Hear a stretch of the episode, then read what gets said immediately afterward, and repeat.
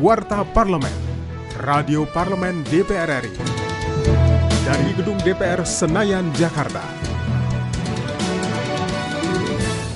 Wakil Ketua Komisi 9 DPR RI Charles Honoris mendesak Kementerian Kesehatan bersama Badan Pengawas Obat dan Makanan dan PT Bio Farma untuk mengakselerasi program vaksinasi COVID-19 untuk mencapai herd immunity. Untuk itu ketersediaan vaksin COVID-19 harus benar-benar dipastikan dengan jenis sebagaimana tercantum dalam keputusan Menteri Kesehatan nomor HK 0107 Menkes 12758 tahun 2020.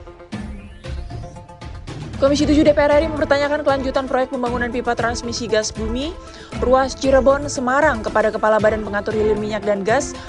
Pasalnya, proyek tersebut menjadi salah satu proyek strategis nasional yang sudah ditetapkan pemenang lelangnya sejak tahun 2006 silam.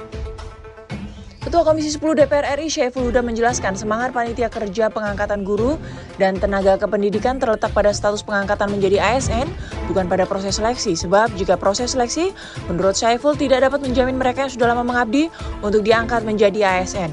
Berita selengkapnya baca di www.dpr.go.id atau kunjungi sosial media DPR RI. Demikian Warta Parlemen, Produksi TV dan Radio Parlemen, Biro Pemberitaan Parlemen, Sekjen DPR RI. Saya Ratna Absari.